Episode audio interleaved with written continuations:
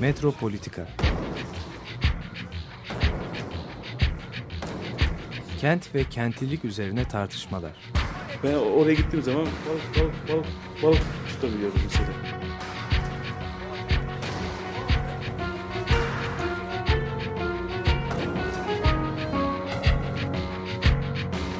Hazırlayıp sunanlar Aysin Türkmen, Korhan Gümüş ve Murat Güvenç.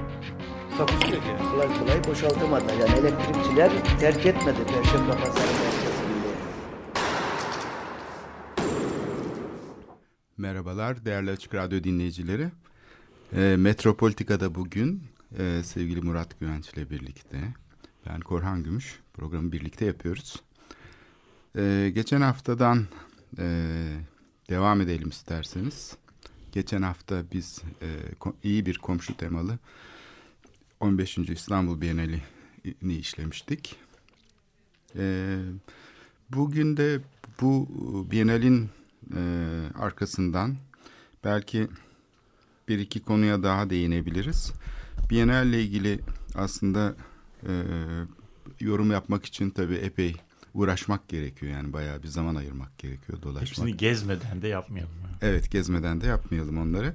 Fakat şehirdeki şöyle bir etkilerine baktığımız zaman aslında bu Biennale'in şehirde diğerlerinden biraz daha farklı bir etki yarattığını söyleyebilir miyiz diye benim kafamda bir soru var. Çünkü yani bu Biennale çok farklı falan demiyorum. Evet yani e, tema çok yerinde seçilmiş bir tema, iyi işlenmiş falan. Fakat e, bu fark nereden kaynaklanıyor? Yani birdenbire aslında bir şeyin arkasından geldi bu Biennale. Yani bir tür bir bahar havası gibi. Şehirde sanki yani bir şeylerin e, şey olduğunu, yeniden canlandığını, filizlendiğini gözlemlemek gibi bir şey oldu.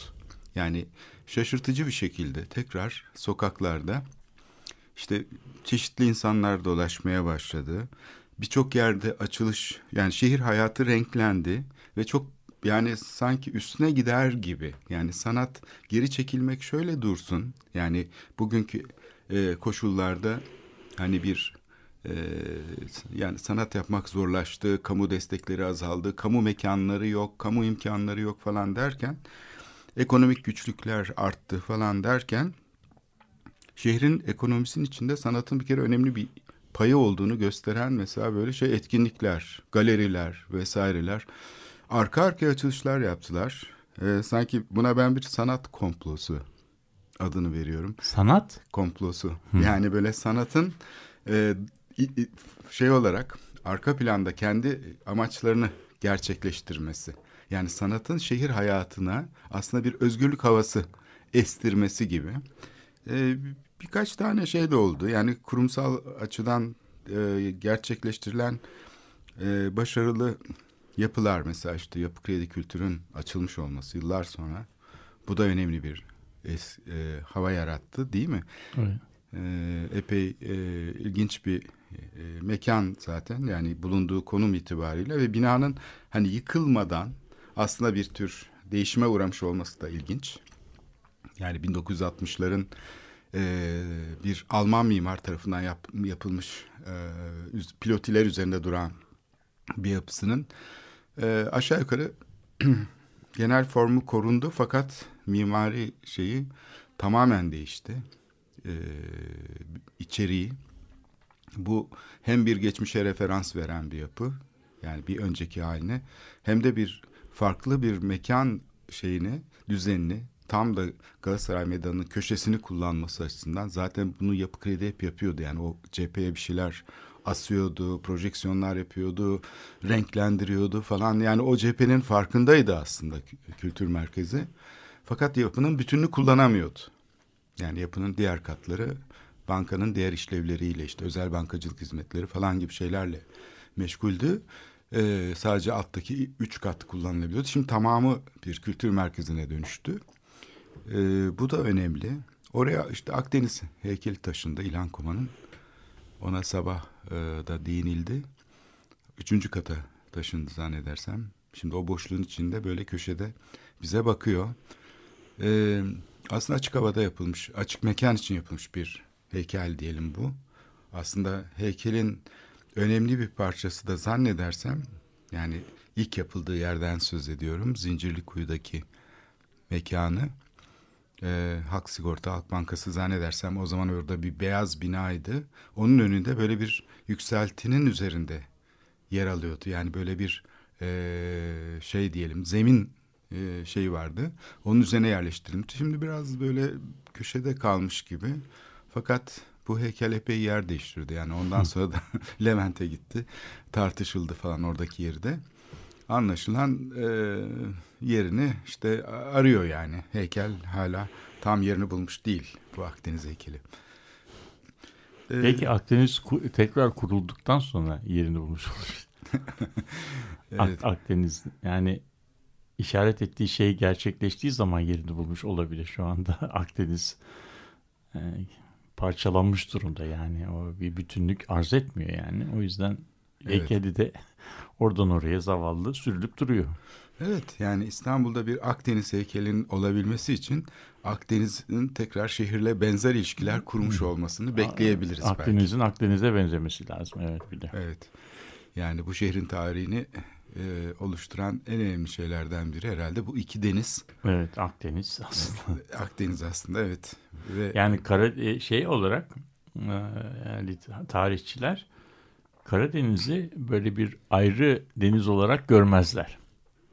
Yani Karadeniz aslında yani bütün bir Akdeniz sisteminin parçasıdır. Yani Ege diye de bir deniz var ama yani işte o Ege Denizi de tarihsel olarak Akdeniz'den çok farklı bir Evet bir uzantı de, de, olarak. Deniz, deniz evet. değil.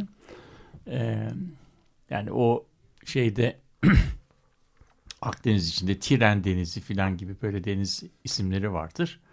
Onlardan biri gibi görüyorlar. Halbuki Ege biraz daha şey, Ege biraz daha e, aykırı bir şey, bir oluşum. Çünkü Ege'de deniz, dağlar denize dik geliyor.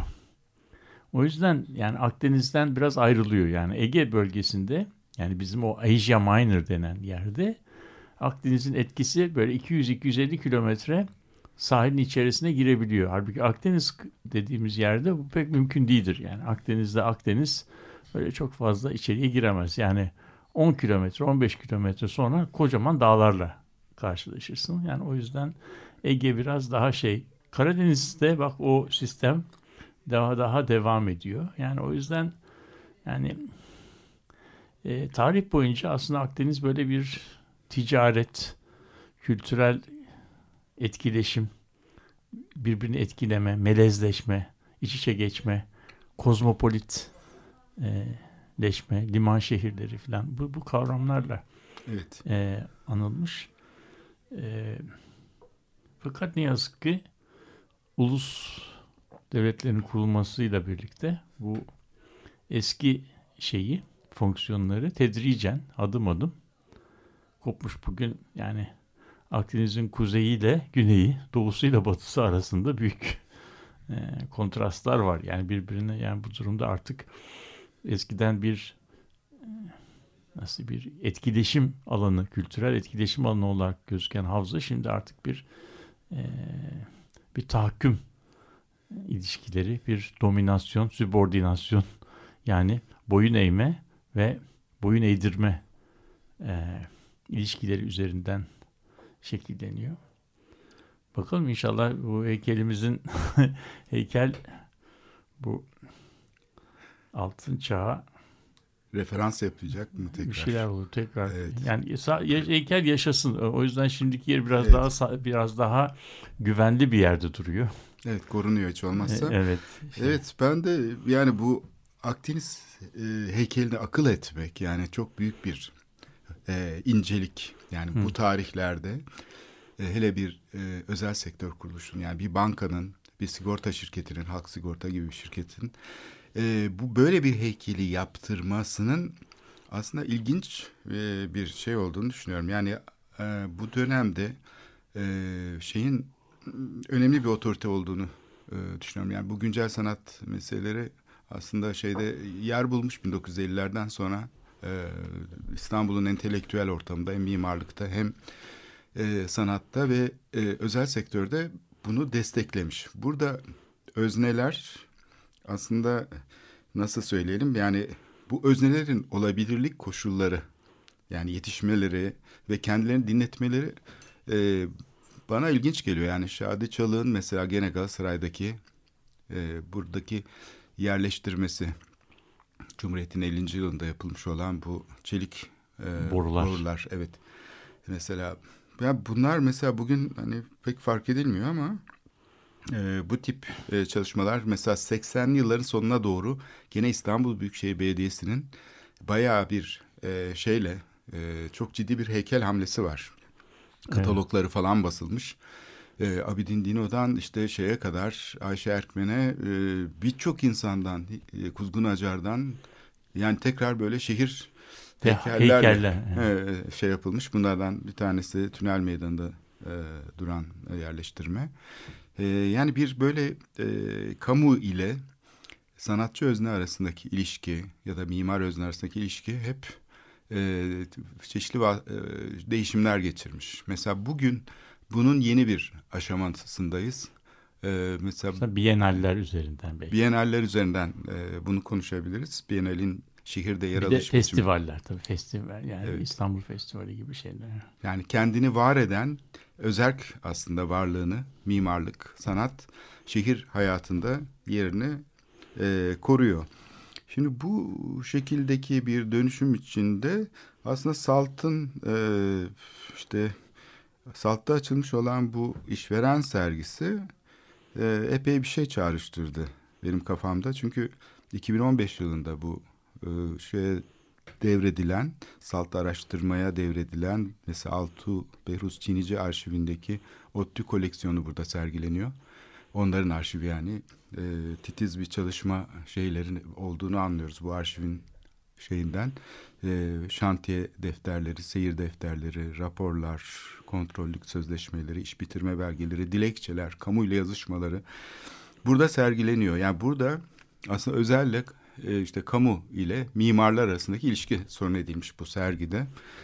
E, bu açıdan bu da e, bence e, tartışılabilir. Yani Biennale'in yer alış biçimi gibi şehirde yani sanatçılarla işte özel sektör burada e, ilişkisi. Ama mimarlık şehir e, konusunda da bu çok önemli bir Tabii sergi. konu- serginin adının işveren olması e, ve bu bahsettiğin Behruz Bey'in Altuğ Hanım'ın e, ODTÜ projelerinde de işverenin ODTÜ olması. Yani kamu adına ODTÜ olması ve bu işin de yani geleceğe modernist bir daha iyi bir dünyaya daha iyisini yapabiliriz türünde bir şeyin nasıl diyelim e, zamanı ruhunda ortalıkta daha var. daha iyisini yapılabileceğine ilişkin bir inancın olduğu 1960'ların başındaki dönemde bu işin inşa edilmiş olması e, çok anlam kazandırıyor. Yani bir yerde de mimarlığın e, işverene rağmen veya işverenin tahakkümü altında yapılabilecek bir iş olmadığını, işverenle birlikte yapılabilecek bir şey olduğunu anlatıyor ve yapıldığı zaman kolay bir ilişki değil ama bu sonunda da işte Türkiye'de modern mimarlık denildiği zaman işte akla gelen az sayıdaki iyi örnekten bir tanesi olan ODTÜ kampusunu belki de modern mimarlığın nasıl diyelim hani e, en ilginç e, kompleks anlamında Evet, bir bütün o- olarak bütünlük Evet. içerisinde uygulaması içerisinde yapılmış olması açısından önemli. Ee, ben serginin birkaç bakımdan daha önemli olduğunu da düşünüyorum. Orada e, izlenildiği zaman şeyin yani sergi izlenildiği zaman e, bugünkünden çok farklı bir mimarlık pratiğinin ürünlerini görüyoruz. Çünkü o dönemde biliyorsunuz bilgisayarlar yok. Her şey elle çiziliyor.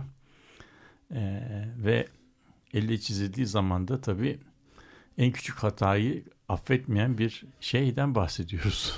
yani kazıma dediğimiz bir işlem Bir şey var, jiletle Ama- falan ama- böyle. Ama yani o da hasar veriyor ama. Hasar veriyor ve Evet. yani e, sonuçta o mimarlık dilini belki biraz daha nasıl diyelim mütevazi yani hata yapmamak için fazlasını yapmamak lazım o şeyde. Tam gerektiği kadar yapmak lazım. Yani bir ölçü hatası yapılırsa bütün pafta ziyan Evet, oluyor mesela. evet, değil mi? Yeniden evet, çizmek gerekiyor. gerekiyor. Evet. Ve kim bilir o kaç defa çizildikten sonra gelinen not, not- şeyleri e, düşünüyor. Şimdi bugün e, binanın e, binanın izleyiciye verdiği e, nasıl diyeyim görsel zenginlik de o zenginliğin reprezentasyonu pafta üzerindeki çizimi e, ni düşündüğümüzde doğrusu ben o binanın içerisinde 30 yılını geçirmiş bir birisi olarak ya bu bina bu çizimden çok daha zengin bir bina.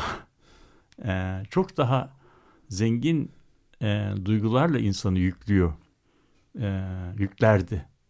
E, ama çizim çok böyle suskun e, bir, bir şey. Yani çizim binanın çok şeyinde nasıl diyelim gerisinde kalıyor. Binanın etkisinde. Yani sanat sanat eseri kendi reprezentasyonundan çok daha büyük. Onu düşündüm. Bugün ise bugünkü çizimlere baktığımız zaman da tam tersini düşünüyorum binaların çizimleri görselleri onların böyle cafcaflı süslü püslü renderları işte perspektifleri çoğu kez e, çok böyle sığ bir mimari e, tasarımla yan yana gidiyor. Yani bu arada o sergi birazcık bana e, bu bakımdan da çok önemli geldi. Hayal etmeyi belki e, zorluyor. Yani Evet E, ama o yani bir temsil eseri, teknikleri eseri yani açısından. bir insan Hmm. bugünün e, bugünün e, bugünün şeylerine temsil diline alışmış bir e, mimar oradaki e, çizimleri gördüğü zaman çok böyle e, mütevazi e, bir çizimle karşı karşıya yani çok bu çizimlerin çok mütevazi bir şeye işaret ettiğini e, düşünür. Gerçekten binaların çoğu çok şeydir yani ortada hani böyle süslemeden tamamen arınmış çok mütevazi binalar ama içerisinde gezdiğiniz zaman hemen hemen her yerde bir şiirsellik vardır. Yani bir binanın bir kendisini anlatmak istediği bir e, söze gelmez bir, bir duygu var. Özellikle mimarlık fakültesinde bu çok artık şeye gelir yani dile gelir. Yani mimarlık fakültesi hakikaten dönemi içinde çok zor bir binaydı. Yani çünkü çok büyük bir alandır. Çok büyük şeylerdir. E, binanın neredeyse yüzde 85'i dolaşım alanına ayrılmıştır. Böyle bir binanın içinde e, 30 yıl yaşamak da doğrusunu söylemek gerekirse zor bir deneyimdir. Çünkü binanın içinde oturacak yer yoktu. Sınıflar, e, sınıflar, hocaların oturdukları, sınıflar çok büyürken hocaların odaları bir vestiyer odasından daha büyük değildir. Şey, zannediyorum bu da daha önceki dönemdeki mimarlık öğrenciliği pratiğinden gelen bir şey. Yani mimarlık hocası e, ofisine işte çantasını bırakmak, e, stüdyoya hazırlanmak için gelir. Orada belki birkaç saatini geçirirse sonra da ofisine gider ve işine gider. Yani orası uzun zaman geçirilen bir yer değildir. asıl atölyede geçiyor. Tabii. aslında Öğrencileriyle birlikte. Ama yani bu e, son zaman yani o binanın zorluklarından bir tanesi. Fakat çok yani e, dolaşım alanının çok yüksek boyutlarda oranlara gelmesi binaya başka hiçbir binada olmayan bir e, nasıl diyelim mekanların iç içe geçmesi, düzey farkları bir, bir, bir, hava verir. Yani binanın kendisi bir sosyalleşme e, şeyi yaratır ve belki de bu e, mimarlık eğitimi için en olması gereken e, şeylerden bir tanesidir. Yani o binada çok uzun zamanlar geçirmiş birisi olarak bunu söylüyorum. Böyle duygularım biraz e, şeydir. Binayla ilgili. Bazen ya biraz daha rahat bir yerde otursaydık böyle 12 10 metrekarelik odalara çok sıkışıyoruz e, du- duygusuna kapılmışımdır ama binanın e, öğrenciler açısından da bir şey olduğunu yani, bilirim yani. Ve üniversitede hangi hangi bölümü kazanırlarsa kazansın öğrencilerin zamanlarını orada geçirdiğini Evet. kışın e, tabii. Yani Tabii şey, o, o da tabii yaşayan bir o binanın e, seçilmiş olmasını da bu şey için tabii burada Kurdaş'ı is, isim olarak rektör Kurdaş'ı anmak lazım. Yani o binanın gerçekleşmesinde Kurdaş'ın tabii çok büyük emeği var. Sonunda her şey unutulur da o binanın süreci Evet. tabii önemli. Çok heyecanlı Evet, bir tabii. e, şey var değil mi? E, Yani girişim aslında e, onun sözlerinde aslında tarif ediliyor. Yani bir sergiden anladığım kadarıyla Kurdaş e, şeye başlarken binaları tarif ederken falan e, nasıl biteceğini, ne zaman e, burada işte çay içmeye başlayabileceğimiz falan gibi davet ediyor insanları. Yani o kadar iddialı. Evet. evet. Bir, bir son e, olarak bir şey söylemek istiyorum. Yani orada e, belki sergide çok fazla değinilmiyor da bina e, binanın ilginç bir tarihi var. E, zannediyorum ilk iki müteahhidi bu binayı inşaatına başlamışlar fakat yarı yolda bırakmışlar. Evet, kamu projelerinde çok olan Evet. bir şeydir yani bu. Çünkü bu çok zor bir bina. Müteahhit değişir. Çok öyle. çok zor bir bina. Çünkü aşağı yukarı bir yerden kot olarak yapılacak bir yer değil de belki 8-9 ayrı yerde 8-9 kotla e, başlanacak ve bunların birbirlerine olan ilişkilerinin çok büyük yüzeyler üzerinden tutturulması gerekiyor. Yani binanın binanın %85'inin dolaşım alanı olduğunu düşünürsen yani aşağı yukarı e, 60 metrelik 70 metrelik açıklıklarda bir santim hata olmaması gereken mermer döşemelerden bahsediyoruz. E, bunun e, ne demek olduğunu tabii anlatmak mümkün yani La- inşaat. lazerli cihazlar da yok. O Tabii tarihte. lazerler. Evet. Daha ilginci de e, binayı e, sonuçta yapıp bitiren e, Börüz Bey'in e, e, Teknik Üniversiteden bir arkadaşı inşaat mühendisi bir Rum. E, tabii çok e, ben o kendisini zannediyorum binanın 40. yılı e, münasebetiyle ODTÜ'de yapılan bir toplantıda tanıdım. O o dönemin koşullarını 60'lı yıllarda o binaları yapmanın ne demek olduğunu anlattı. Çünkü e, çünkü binaları e, tasarlamak, hayal etmek başka bir şey. O tarihte bu binanın gerektirdiği inş- yapı malzemesinin, donanımının hiçbirisi yok Türkiye'de. Ve bunların çoğu Türkiye'de buluşçu olarak yeni baştan e, icat edilmek zorunda. Mesela size şöyle bir şey söyleyeyim. E, orada böyle aşağı yukarı 5-6 metre e, boyunda brüt betona e, geçirilen e, yekpare camlar vardır yere kadar Evet. yere kadar uzanan. Şimdi bu binanın o camı brüt betona tutmak için bir bağlantı parçası Ve lazım. kauçuk bir şey lazım. Yani Evet. önce bir şey. Evet. E, o o malzeme o tarihte Türkiye'de yok. Bitirmenin imkanı da yok. Adam mesela onu nasıl yaptıklarını anlattı. Pencere kornişlerini alıp arkasına lama kaynatıp onların arasında bisiklet lastiği geçirip onu e, o parçayı beton içine e, gömüp şeyi de e, Camı?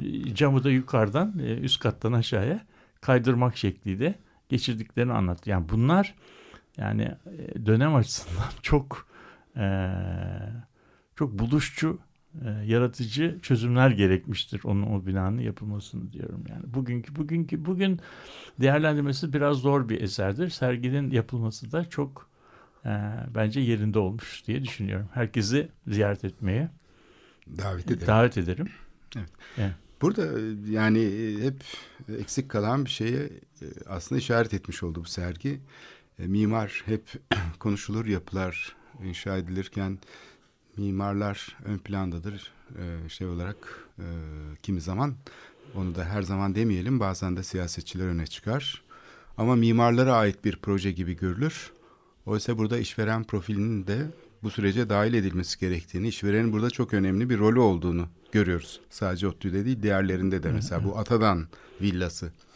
Mustafa Kemal Atatürk'ün kız kardeşi değil mi? Atadan'a şey e, çok önemli bir yapı aslında. Yani e, bu yapının kıymeti bilindi mi bilmiyorum ama e, bu çok değerli bir yapı. Mimarlık tarihi açısından ve doğrudan doğruya bir devlet e, şeyin büyüğünün akrabası yani sonuçta bir siyasetçinin girişimiyle oluyor. Hani gidip kendi zevkine göre işte bir şey dayatmıyor. Yani şöyle olsun böyle olsun diye. Burada mimar öznenin bayağı ciddi bir e, şeyi var. Yine e, Cumhurbaşkanlığı köşkü, yazlık köşkü gibi Florya'daki değil mi? Onda da aynı mimarın e, şeyi var. Burada yani işveren diyelim siyasetçi olduğu zaman da mimarın özne olarak e, ne diyor, deniyor buna konsiyans e, sivik e profesyonel Fransızca'da e, şeyini Top- toplumsal ve mesleki meşruiyetine sahip bir e, kişilik olarak karşımıza vicdanı, çıktığını evet. görüyoruz. Yani o kendi kişiliğiyle karşısındakinin e, kişiliği arasında bir ilişki oluyor ama birbirlerine tam olarak örtüşmedikleri bir ilişki. Yani her zaman mimar hatta şeylerden sonra bu e, yeni burjuva sınıfı gelişirken zenginler vesaire olduğu zaman e, biraz bu ilişki tersine bile dönüyor. Mimarların e, şeyleri küçümsediklerini görüyoruz. E, biraz müşterilerini hatta.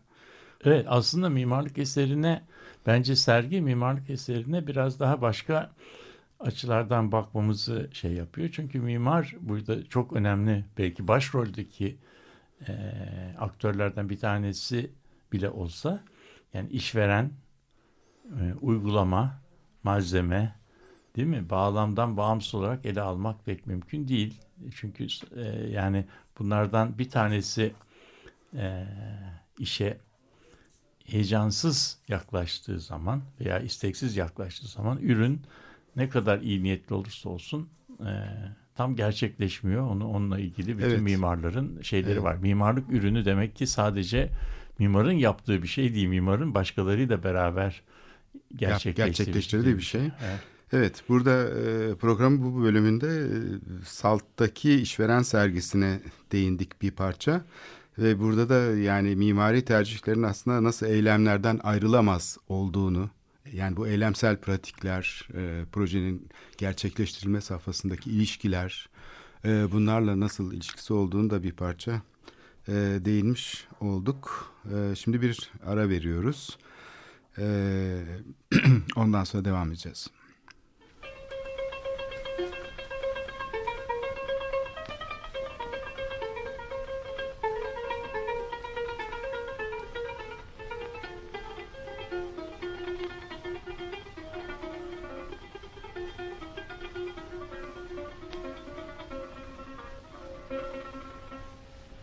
ندن میگن این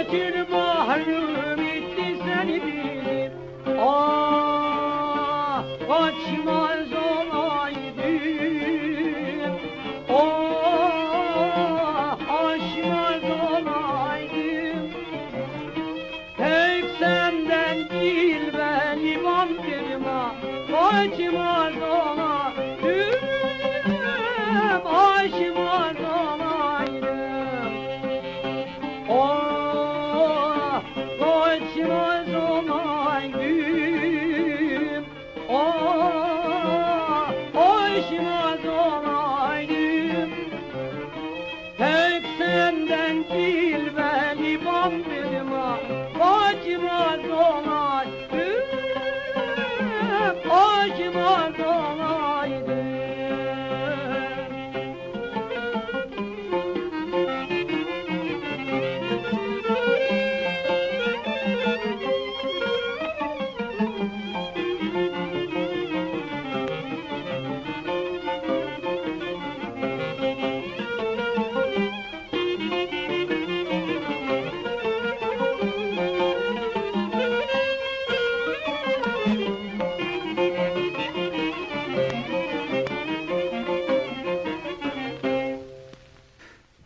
Metropolitika devam ediyor. Bu dinlediğimiz parçayı biz e, Akilas Pulas'la e, kemanda da Nick e, Sedefçiyan'dan dinlemiş olduk. E, bir de tabii neden geldim İstanbul'a versiyonu var bunun. E, aynı parça, aynı şekilde anonim bir parça bu aslında.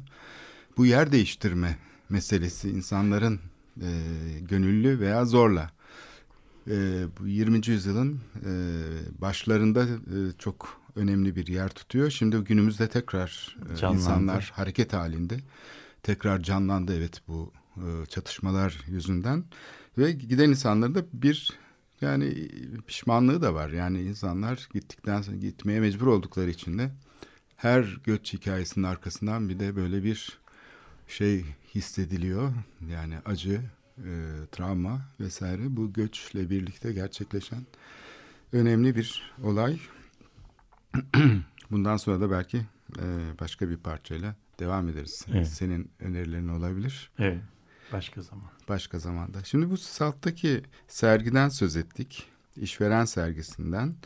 Ve tabii önemli bir bölümün de modern mimarlık örnekleri var ve bunun tabii en baş şey, yapıtlarından biri ODTÜ yerleşkesi. Bu da çok ciddi titiz e, bir çalışmanın ürünü olan bir arşivden kaynaklanıyor tabii. Altuğ ve Behrus Çinici arşivinden. Bu da 2015 yılında Salt'a bağışlanmış buradaki belgelerden kaynaklanıyor. Fakat onun dışında epey bir şey var. Yani fabrikalar var. İşte Denizli basma ve boya fabrikası. Ee, burada hep e, tutkulu işverenleri görüyoruz. Yapılarla birlikte yani mimarları değil aynı zamanda işverenlerin de olduğunu. Bir de Osmanlı tarihine bir gönderme var. Kadın Baniler e, sergisi. Bu e, ne anlama geliyor? Yani burada da gene benzer bir ilişki kurabilir miyiz? Ee, Evet tabii e, kurabiliriz. Bu da tabii e, o seksiyonun hazırlanmasında benim yöneticiliğini yaptığım e, Kadir Has Üniversitesi İstanbul Çalışmaları Merkezi'nin bazı katkıları da oldu. Yani biz oraya bir arşiv malzemesi değil de yapmakta olduğumuz, hazırlamakta olduğumuz işlerden bazı ürünler verdik. E, kadın baniler Osmanlı e, tarihinde çok önemli bir yer tutuyor. E, özellikle vakıflar üzerinden e, bu kadın valiler çalışıyorlar ve bunun vakıfların tarihini incelediğimiz zaman da e, Osmanlı'da iki dönem var. Bir tanesi ilk kuruluş ve yükseliş diyelim yani e, 16. yüzyıl e, 17'nin ortalarına kadarki dönemde daha çok e, devletin veya devlet adamlarının kurduğu e, şeyler var, vakıflar var. Ama bu kadın baniler sergisindeki eserlerin büyük bir kısmı 17. yüzyıldan sonra daha çok e, devlet görevinin alt kademelerindeki ve birazcık da sivil toplumda zenginleşmiş insanların kurdukları e, vakıflar üzerinden kurulan yapılan e, şeyde bayındırlık eserlerine e, değiniyor. Burada çok ilginç bir e, derleme var. Merkezin e, İstanbul Çalışmaları Merkezi'nin geçen yılki araş, araştırmacılarından doktorasını bitirmek üzere olan Melike arkadaşımız bu araştırmayı yaptı. Çok e, kapsamlı bir araştırma literatürde. Yani mutlaka eksikleri vardır her araştırma gibi ama e, şu ana kadar literatürde değinilen hemen hemen her tür şeyi kadın baniyi buldu ve bu kadın banilerin yaptırdıkları çok önemli eserler var. Çeşmeler, su yolları, binalar, yalılar, sahil saraylar, o işhanları ve bunların şehir morfolojisinde çok önemli e, şeyleri var. Binanın kabaca yeri de biliniyor. Fakat e, o yeri bugünkü İstanbul'un haritasının üzerine koymak pek mümkün değil. Çünkü İstanbul'un morfolojisi de değişmiş. İşte merkezde yapmakta olduğumuz bir araştırmada elde edilen bir e, sokak e, kanıvası, ağı e, haritası üretiyorduk. O haritayı paylaştık tarihçilerle. Onlar da o eserleri o haritanın üzerine yerleştirdiler. Galeride bu haritayı e, bastırarak ziyaretçilere verebiliyor. Yani orada 1924-26 yıllarına ait İstanbul'un sokak ağını görüyoruz. Yani bu ağ bugünkünden tabii çok farklı bir şey. Ve eserler, yapı yani kadın banilerin yaptıkları e, eserlerde bu sokak ağı üzerine e, işlenmiş vaziyette. Orada e, çok sayıda e, üretimi, e, ürünü, mimar, yani mimarlık eserini kent e, mekanındaki konumu itibariyle görmek mümkün. Bunu bu haritanın okunmasını kolaylaştırmak için bir de sergide topografya haritası var. Çünkü e, topografyayı bilmeden e, özellikle suyla ilgili eserlerin e, anlamını e, çözmek mümkün değil. E, o yer ancak topografya üzerinden e, anlam kazanıyor. Yani şeyin vadilerin olduğu yerlerde değil de e, böyle e, omurga gibi kentin en yüksek noktasından e, hareket eden su yollarının daha sonra işte maksemler ve taksim odalarından e, çeşmelere dağılım sistemini görebiliyoruz ve onlarda hangi hatlar hangi şeylerle beraber yapılmış onu görüyoruz. Son olarak şeyi söyleyeyim Osmanlıların bu vakıf sistemlerinde altyapı e, eseri yapmak çok prestijli bir şey. Özellikle çeşmeler çok prestij getiriyor. Yani çeşme yaptıranın, yaptırmanın çok büyük bir şeyi var. Prestiji var. Fakat e, su e, Osmanlılar'da çeşme yaptırma konusunu e, çeşmede akacak suyu temin edecek bir kapsamlı planlamaya bağlamışlar. Yani başkasının getirdiği suya çeşme yapılmaz diye bir ilkeleri var. Çünkü o başkasının yatırımın büyük bir kısmı aslında görünmeyen su yolu. Su, su yolu, suyun evet. toplanması. Çeşme onun çok küçük, küçük şey. bir parçası. Evet. Çeşme yaptırmak Ama kolay. Her, herkes diyor ki bak işte çeşme yaptırdı. Tabii. Yani şeyi evet. şeyi e, prestiji çeşme şey yapıyor. Ama topluyor. Tam, topluyor ama e, yatırımın büyük bir kısmı su yoluna gidiyor. Onun için e, buldukları çok şahane bir ilke var. E, yani şeylere geçmiş. Kayıtlarda ve arşiv malzemelerinde var. E, suyunu bulsun ondan sonra çeşmesini yaptırsın deniyor. Yani padişahtan çeşme için izin alınması gerekiyor. Yani suyu temin edilmemiş e, çeşme inşaatına izin verilmiyor. O yüzden e, İstanbul'un yapısını anlamakta, altyapısını anlamakta son derece ilginç işaretler de içeriyor bu e, sergi. E, o kısmı değineyim dedim. E, bu topografya, şehirsel topografya ile su yollarının tabii çok ilişkisi var. Camilerin tabii, hamamların. Tabii, evet. Bu yani kurucu ögeler bunlar. Ee, şehrin topografyası alt üst olduğu için şimdi biz mesela işte burada işte tophaneden çıkıp şöyle bir çıkıp baktığımız zaman ortalıkta bir takım çeşmeler, duvarlara yapışmış bir takım şeyler, sebiller, çeşmeler vesaire görüyoruz.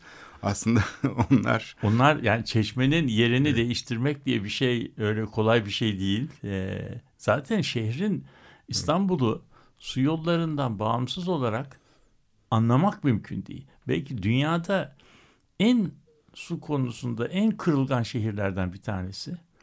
En büyük su yatırımlarıyla e, bugüne gelebilmiş bir e, bir şehir.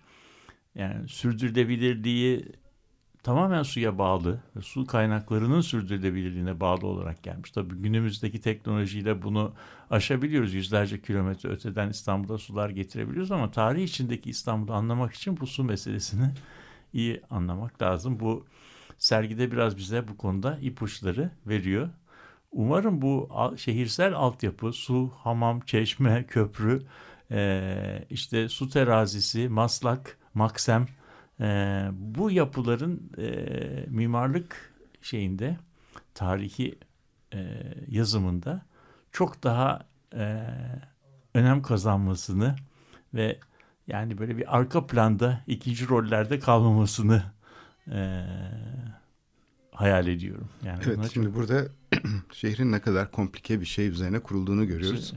Yani şimdi su getirmek deyince tabii bir pompa istasyonu ve boru döşemek anlaşılıyor. Bir O, su o kaynağından. zaman da böyle bir şey yok. O zaman öyle bir şey yok. Yok. Çok kompleks bir e, Çok, durum yani, var. E, evet. suyun e, hem temin edilmesi açısından hem de farklı şekillerde elde edilen su şeyleri var. Kaynakları Evet, yani evet, işte burada sarnıçlar, Ro- evet, e, şeyler. Romalıların getirdiği kuyular. en büyük en büyük Romalıların en büyük sanatların yani bilim şeye belki e, iki önemli katkıları var şehir şeyine bir tanesi hukuk alanında muazzam bir Roma hukuku var.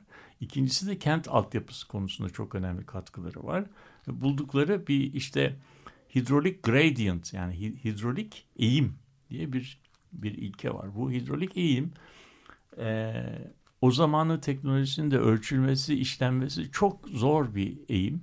Çünkü bu suyu yavaş akıttığınız, belli bir hızın altında akıttığınız zaman suyun içerisine taşıdığı asılı maddeler şeye birikmeye başlıyor. birik, birikerek zaman içerisinde kanalı tıkıyor.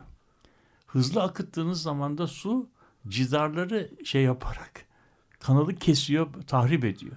Yani onun belli bir hızın altında veya üstünde akmaması lazım. Ve bunu 30-40 kilometrelik şeyler üzerinde sağlamak Hatlar lazım. Bu- üzerinde. Bu çok zor bir Roma sanat. kemerlerin Ee, falan yani yani, bu- bu- bu sadece yani- inceliği o mimari özellikleri Yani değil. onların çok ötesinde e, incelikler var ve İstanbul'da bu Kazım Çeçen Evet, hocanın e, ürettiği muazzam bir korpus var. Ödüllendirilmiş ve yani bence tekrar tekrar bakılması gereken bir şey. O- Ona onu ona referans vermeden şehrin tarihini yazmak, anlamak mümkün O değil. kalın ciltleri biliyorum Kazım Çeçen'in o titiz bir çalışmayla çok çok çok içine haritalar bir ömür ömür ömür yani. kendine adamış bir kişilikti. Ben Evet. tanıma fırsatı buldum kendisini.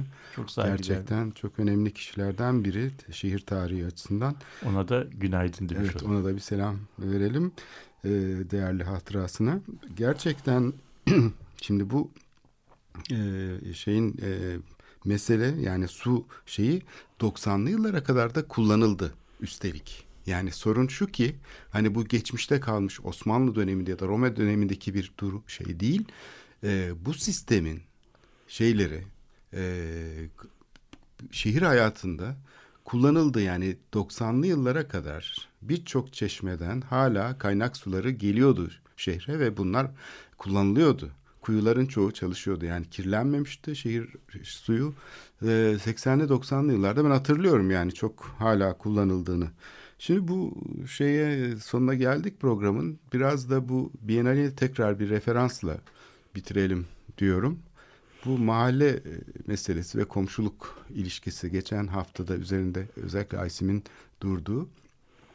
E Şimdi e, orada bir parantez açmıştık. Yani modernleşmeyle birlikte e, şeyin e, sayfiyelerin oluşması, buraya düzenli vapur e, seferlerinin başlamasıyla birlikte e, bir takım e, zenginlerin ilk başta işte merkezi terk edip bir takım yerlere yerleşip orada böyle daha e, şey bir hayat kurmaları, yeni bir hayat kurmaları, işte çocuklarını daha sağlıklı yetiştirmek için daha sonra şeylerin taşınması, işte okulların mesela, işte eskiden Beyoğlu'ndayken Fransız okulları falan, hani gidip Moda'ya, Fenerbahçe'ye falan, adalara hatta Fransız okulu kuruluyor. Bunlar gidiyorlar orada çünkü nüfus var. O nüfusa eğitim verilecek. Bir de tabii köylüler var. Köylüler bu senin söylemiş olduğun e, hizmetleri yerine getirirken kendileri bir takım fırsatlar elde ederken onlar da bir orta sınıflaşma şeyi yaşıyorlar ve dönüşüyorlar. Ama ondan sonra bir takipçiler silsilesi oluşuyor. Ee, işte İstanbul'un merkezinde falan çok da hani böyle zengin olmayan işte aristokrat sınıftan falan da değiller. Onlar bu yaşantı biçimini benimseyerek işte Kadıköy yakasına özellikle akın ediyorlar. Ve artık içine doğulan bir mahalle değil, birlikte oluşturulan bir yaşam çevresi var. Bu yaşam çevresinin içinde hem eski dokudan kalanlar var. Yani eski işte köşkünü apartman yaptırmış ya da villasını şey yapmış. Cumhuriyet dönemi zenginleri de vardı mesela ben hatırlıyorum Kalamış'ta bakan da vardı bizim apartmanda. Oturduğumuz apartmanda. Tarihçi de vardı, avukat da vardı, gazete sahibi de vardı. Yani böyle muhalif kişiler de vardı. Yani sol kimlikli. Aynı zamanda da büyük patronlar iç içe giriyorlar. Ama daha çok memur sınıfı var. şeyin bel kemiğini onlar oluşturuyor. Küçük tüccar ve memur. Bunlar böyle bahçede geçiyor hayatları. Yani böyle bir oluşan bir mahalle. İnsanlar birbirini tanımadan yerleştikten sonra oluşturdukları bir mahalle ve komşuluk ilişkisine dönüşüyor. Bunun da mekandaki izleri yani genellikle böyle basit apartmanlar şeyler tarafından gerçekleştirilmiş. E, yani çok da böyle gösterişli olmayan ama e, çok da şey de değil. Yani belli bir konforu olan e, şeyleri kaliteli e, yapı malzemeleri vesairesi kapı kollarından şeye kadar bütün bu imkansızlıklar içinde ilginç bir yapı dokusu oluşmuş bütün İstanbul e, sahillerinde. Bugün kentsel dönüşüm e, alanı olarak gör, görülen mahalleler bunlar. Fenerbahçe, Kalamış, Dalyan, Caddebostan hatta adalara kadar e, sıçradı. Bu yapı kapitali aslında görmezden geliniyor. Genellikle de e, işte süslü yapılara karşı bir şeyin ilgisi var. Genellikle bürokratik koruma modelinin. Ama bu yapı kapitalinin aslında korunması ya da e, kayıtlara geçmesi için çok fazla bir gayret oluşmuyor. Bu yüzden belki e, bu açıdan da yaklaşılabilir. Yani neydi İstanbul'un bu e, yeni şeyini oluşturan, mahalle düzenini, komşuluk ilişkilerini oluşturan bu Bienal, Bienal yani sadece fiziksel mekana değil aslında bu sosyal mekanına işaret ettiği içinden de anla, anlamlı geliyor bana. Çok yani çok doğru. Yani bu senin anlattığın öykünün belki içerisinde dört e, dört dönem var. Bir tanesi yani Osmanlı'da kent e, Osmanlı döneminde İstanbul'da kentsel altyapılar e, yaygınlaşmadan yani elektrik, buhar enerjisi e, kentsel altyapıda çok kullanılmadan, ulaşım sistemleri kullanılmadan önceki İstanbul var. Bu elektriğin şehir hayatında kullanılmaya başlaması özellikle tramvay müthiş değişikliklere değişikliklerin tetikçisi oluyor. Yani tramvaydan evvel e, şehir atlı tramvay var yani elektrikli tramvaydan önce atlı tramvay var. Atlı tramvayda Tatavla'ya kadar gidiyor ama çok zayıf bir şey sağlıyor. Çünkü atlı tramvayın hızı ve çekim gücü de çok zayıf. Ve fiilen yani baktığımız zaman e, şehir Taksim'de bitiyor. Ve Taksim'den sonraki gelişmeler biraz böyle çeper yerleşmeler ama şeyin getirilmesi, elek- elektrikli tramvayın gelmesi e, şehrin yapısını müthiş değiştiriyor. Ve bir Amerikan şehirlerinde olduğu gibi tramvaya bağlı alt kentleşme dedikleri bir şey oluyor. E, bu tramvaya bağlı alt kentleşmeye Türkiye'de bir de Türk İstanbul örneğinde bir de vapura yani şeye feribotlara bizim karşıdan karşıya geçen İstanbul'a özgü tasarımı da özgü olan bu gemiler. Onu, o gemilerin dünyada İstanbul'dan başka kaç tane modeli vardır bilmiyorum yani. O, o gemiler İstanbul'un belki de e, alameti farikasıdır. Yani çünkü o örnekleri yok yani. O mesela şeyde de vapur var. e, Venedik'te ama onlara vaporetta deniyor. Onlar fazla küçük. Bunlar vaporetta'nın çok büyüğü yanaşmaları. Daha falan. büyük bir mesafe kat ettikleri için Tabii. daha çok yolda Tabii taşıyorlar. çok çok daha Dünyada örneği yok gerçekten İstanbul'un yani şeye bakınca tabii geçmişe yani en az en az e, silüeti kadar önemli bir şehirsel şeyidir. Yani o şehir atları, vapurları. Onun için onları onları bir şey yapmak lazım. Şimdi bu bunun üzerine Cumhuriyet'le beraber 1950'lerin sonuna kadar bir dönem var. Yani senin e, anlattığında belki onu ilave etmem lazım. O e, İlhan Tekeli'nin e, bireysel konut üreti, üretimi, müstakil konut üretimi denildiği bir dönem var. Bu dönemde işte Kalamış'ta, Fenerbahçe'de, Bostancı'da e, senin söylediğin sınıftaki insanlar, eski valiler, öğretmenler, tüccarlar, yani biraz kültürel kapitali e, yüksek olan sınıflar kendi e, arazinin de çok ucuz olması nedeniyle İstanbul'a yakın fakat e, e, zaman açısından oldukça şehir merkezine uzak olması nedeniyle Kadıköy o zaman ev yapmak için uygun bir şey. Arazi fiyatları düşük. E, orada işte önce sayfi olarak yapılabilecek binalar yapılıyor. O senin söylediğin mimarlık yani çoğu mimarlar büyük bir belki daha büyük bir kısmı da kalfalar tarafından üretilmiş. Ama tasarımları birbirine benzemeyen yani iki bina birbirinin aynısı değildi. Yani o apartmanlaşma öncesinde. Yani her binanın kendi bir kimliği vardı. Bazı binaların ikinci katına dışarıdan merdivenle e, çıkılırdı. Yani çeşitli tipleri, tipolojileri olan bir, bir şeydi. 1960'lardan sonra bu e, özellikle köşe başı parsellerden başlayarak bu doku apartmanlaşmaya başladı. Yani bunların içerisinde çok katlı müstakil evler vardı. Ama bunlar bizim bugün anladığımız anlamda apartman değildi. Yani çünkü o çok katlı müstakil evlerde üst katta oturanlar büyük ölçüde o ailenin bir başka e, şeyiydi. Yani bileşeniydi. Yani oğlu, kızı, gelini, damadı filan yani bir başka ailenin yeni şeyi oturuyor. Belki de bir kiracı oturuyor ama binanın 10 tane kiracısı yoktu. Bu 60'lardan sonra bunlar şeye döndü. Ee, apartmanlaştı. İkinci köprüden sonra da bu apartmanlar hızla yıkılarak bugünkü gördüğümüz e, evet. şeye dönüş. Şimdi bugünkü kentsel dönüşüm artık e, bu, bu geçmiş dönemden ne kaldıysa büyük apartmanlar dahil olmak üzere hepsini yeni dönemin e, arsa rantına uyduruyor ve bu durumda da komşuluklar büyük bir dönüşüm geçiriyor onu evet. söyleyebiliriz. Metropolitikanın sonuna geldik ama burada demek ki koruma kavramı üzerine de tekrar düşünmemiz gerekiyor. Kapsamının ne olduğu konusunda epey bir e, şey var. E, burada farklılıklar taşıyabilecek bir şey sunuyor. Biennial'in teması da bu açıdan Çok bi- bize, bize ilham veriyor diyelim evet. ve programı burada kapatalım. Haftaya görüşmek üzere, hoşçakalın.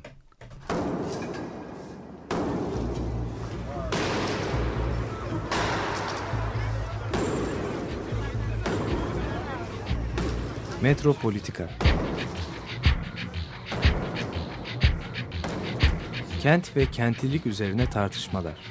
Ben oraya gittiğim zaman balık balık balık balık tutabiliyorum mesela.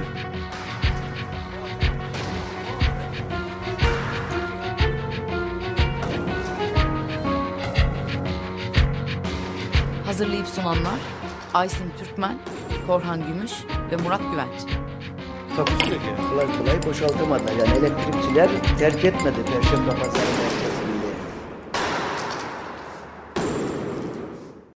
Açık Radyo program destekçisi olun.